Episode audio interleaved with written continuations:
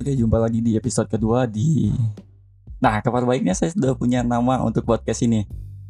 Jadi karena saya pikir keseharian saya memang di kampus ya. Jadi saya putuskan untuk nama podcast ini adalah podcast di kampus. Oke. Oke, untuk ke depannya maka kita namakan podcast ini adalah podcast di kampus. Nantinya durasi podcast ini nggak terlalu panjang lah, mungkin sekitar antara 10 sampai 15 menit. Wow, alarm saya bunyi antara 10 sampai 15 menit untuk setiap episodenya. Nah, kecuali nanti kalau memang ada pembahasan tertentu yang mengharuskan durasi podcastnya lebih panjang, nah itu bisa-bisa aja sih. Oke. Atau mungkin nanti kita bisa diskusi, nanti kalian bisa kontak saya mau diskusikan apa, kita bahas sebuah topik. Nah mungkin nanti durasinya bisa panjang ya. Ya silakan kontak saya di Twitter atau di email yang sudah saya sertakan di deskripsi di bawah.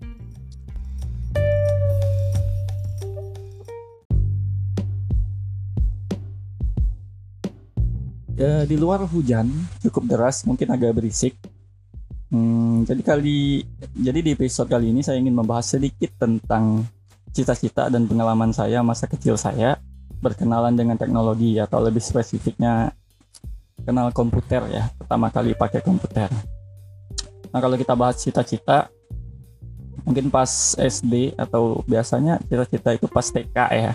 Kita ditanya guru mau jadi apa gitu Nah biasanya jawaban kita seragam ya. Mau jadi dokter, polisi, tentara, atau mau jadi guru.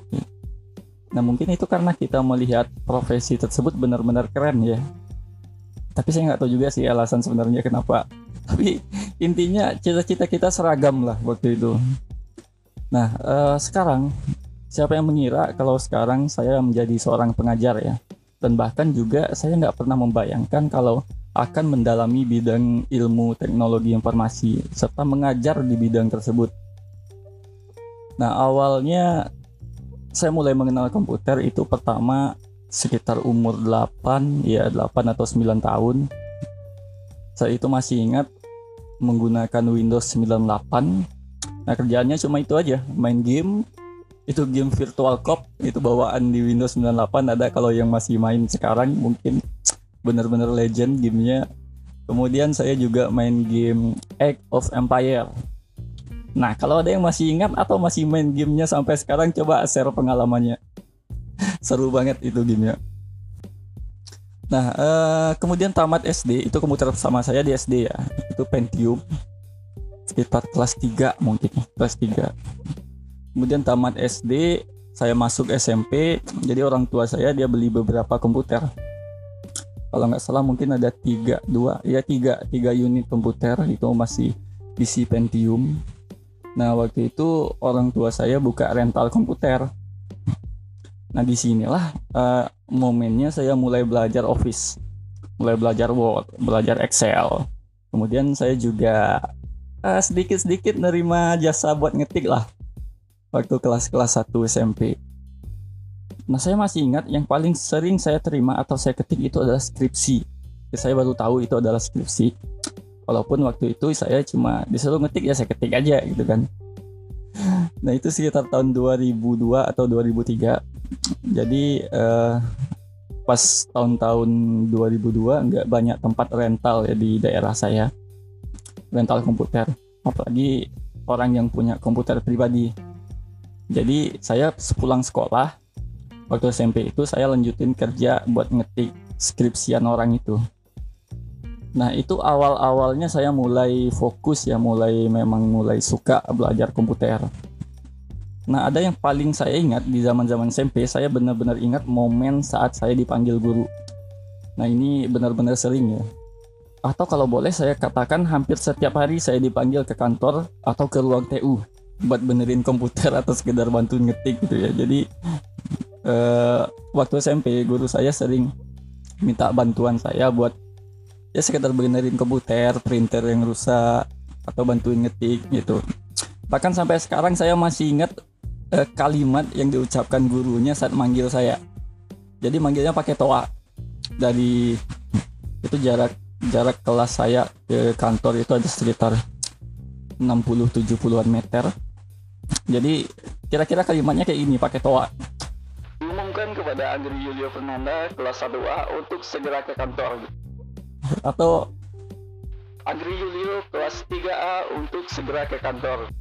Nah itu kalimat yang paling sering saya dengar pas SMP. Nah di umumnya pakai toa ada biasanya ngumumnya itu Pak almarhum Pak Hairon ya. Beliau sudah meninggal beberapa tahun yang lalu. Nah itu momen-momen yang paling saya ingat karena memang kejadiannya hampir setiap hari saya dipanggil ke kantor buat buat benerin komputer. Itu benar-benar kalimat yang nggak bisa saya lupakan hingga sekarang gitu ya bukannya kesal cuma saya merasa senang. Malah saya merasa senang bisa bantuin orang. Apalagi nanti kalau pas saya ke kantor masalahnya terselesaikan gitu ya problem solve gitu. Rasanya senang senang banget bisa bantuin orang. Nah, mungkin dari sana awalnya saya mulai menang di bidang komputer ya. Karena rasa-rasanya keren aja atau asik aja bisa bantuin orang yang yang kebanyakan pada saat itu orang bahkan belum banyak yang mengenal mengenal komputer apalagi sampai menggunakan komputer secara langsung. Nah, kemudian e, berlanjut ke SMA itu sekitar tahun 2007. Iya, 2007 itu memang itu masih belum banyak yang menggunakan komputer juga jadi uh, saya ingat waktu itu ada OSN kalau nggak salah ya Olimpiade Sains Nasional Nah, saya karena saya dikenal bisa komputer, sering menggunakan komputer, jadi saya diutus untuk salah menjadi salah satu peserta di bidang uh, perlombaan komputer itu ya. Nah, pas uh, ikut perlombaannya, Nah di sana saya memang memang blank ya. Memang blank karena soal-soalnya ternyata hal-hal yang memang belum pernah saya temukan sama sekali. Itu kelas 1 kalau nggak salah kelas 1 atau kelas 2. Jadi soal-soalnya itu berkutat di bidang algoritma. Kebanyakan soal-soalnya algoritma ya. Ada juga Pascal gitu. Nah pas saya ikut ujian saya bingung ini apaan sih gitu. Saya nggak pernah dari SD saya pegang komputer sampai SMA nggak pernah saya temukan hal-hal seperti ini gitu. Nah pertanyaannya memang bikin memang membingungkan sekali gitu. Di sana berawal kemudian saya cari-cari informasi ternyata yang ditanya atau soal-soalnya itu adalah hmm, algoritma ternyata bahasa pemrograman. Nah dari sana saya mulai menggali apa itu bahasa pemrograman. Bahasa pemrograman saya mulai mengenal uh, eh, HTML, belajar-belajar bikin blog blog masih di blogspot dulu ngedit-ngedit tema blog nah uh, jadi saat saat itu saya memutuskan bahwa nantinya saya pas uh, taman SMA saya ingin melanjutkan kuliah di bidang komputer. Jadi taman SMA ceritanya taman SMA saya tes. Dulu masih ada yang namanya PMDK ya. PMDK saya coba masuk nggak lolos. Kemudian SNMPTN juga nggak lolos. Kemudian lupa saya ada berapa tes waktu itu 2010 dan semuanya saya gagal. Jadi eh, salah satu pilihan terakhir saya masuk kampus swasta dan jurusannya harus tetap itu. Jadi saya masuk ke kampus UPI UPI EPTK Padang saya ambil jurusan sistem informasi.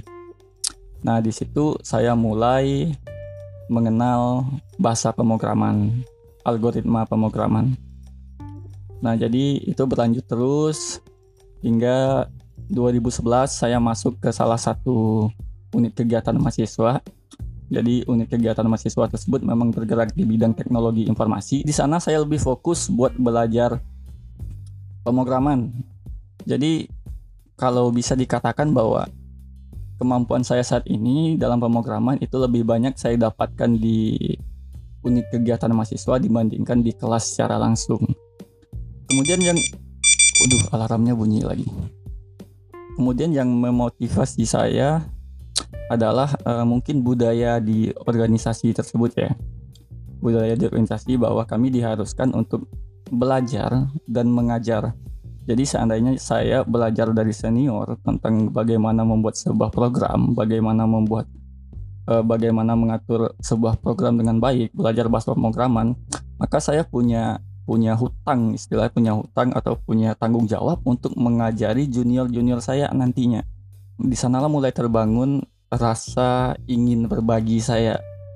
Nah dari sana saya senang sekali mengajar mengajar junior, mengajar orang lain, apalagi uh, di bidang pemrograman ya. Budaya-budaya uh, mengajar tersebut semakin tumbuh ya, budaya mengajar tersebut semakin tumbuh. Hingga akhirnya saya tamat S1 2016, saya masuk 2010 memang agak telat. Tamat S1 2016 saya langsung ambil S2. Ambil S2 karena memang saya ingin mengajar karena budaya mengajar saya sudah sudah sangat tumbuh. Ya saya ambil S2. Saya tamat S2 2018 dan kemudian saya mulai mengajar menjadi dosen di salah satu perguruan tinggi swasta. Nah, itu itu kira-kira alur prosesnya kenapa saya bisa dari cita-cita saya di awal saya ingin jadi dokter. Saya lupa mungkin dulu saya ingin jadi polisi mungkin ya pas TK atau SD tapi sekarang saya profesinya seorang pengajar gitu. Nah, kira-kira mungkin itu ya yang memotivasi saya karena memang lingkungan saya waktu itu pas kuliah dan ketertarikan saya di bidang IT hingga uh, saat ini saya menjalani profesi sebagai seorang dosen di bidang ilmu teknologi informasi. Nah, itu kira-kira alasannya kenapa saat ini saya menjalani profesi tersebut. Nah, kalau dilihat sebenarnya hal yang paling penting di kehidupan kita itu adalah lingkungan ya. Saya mengakui kalau lingkungan di organisasi pas saya kuliah itu memotivasi saya menjadi atau untuk berbagi ya, untuk mengajar satu sama lain. Nah, jadi yang paling penting itu yang pertama itu uh, oke, okay, cita-cita itu penting, tapi nanti harus dibarengi dengan lingkungan yang mendukung cita-cita kita itu, mendukung impian kita. Nah, itulah kira-kira perjalanan hidup dari kecil sampai sekarang saya berprofesi sebagai seorang pengajar di bidang ilmu komputer. Demikian untuk podcast singkat. Lebih ke curhat sebenarnya. ya, tapi setidaknya kita kenal dulu lah. Tak kenal maka tak sayang ya. Oke, nanti kita ketemu lagi di podcast selanjutnya.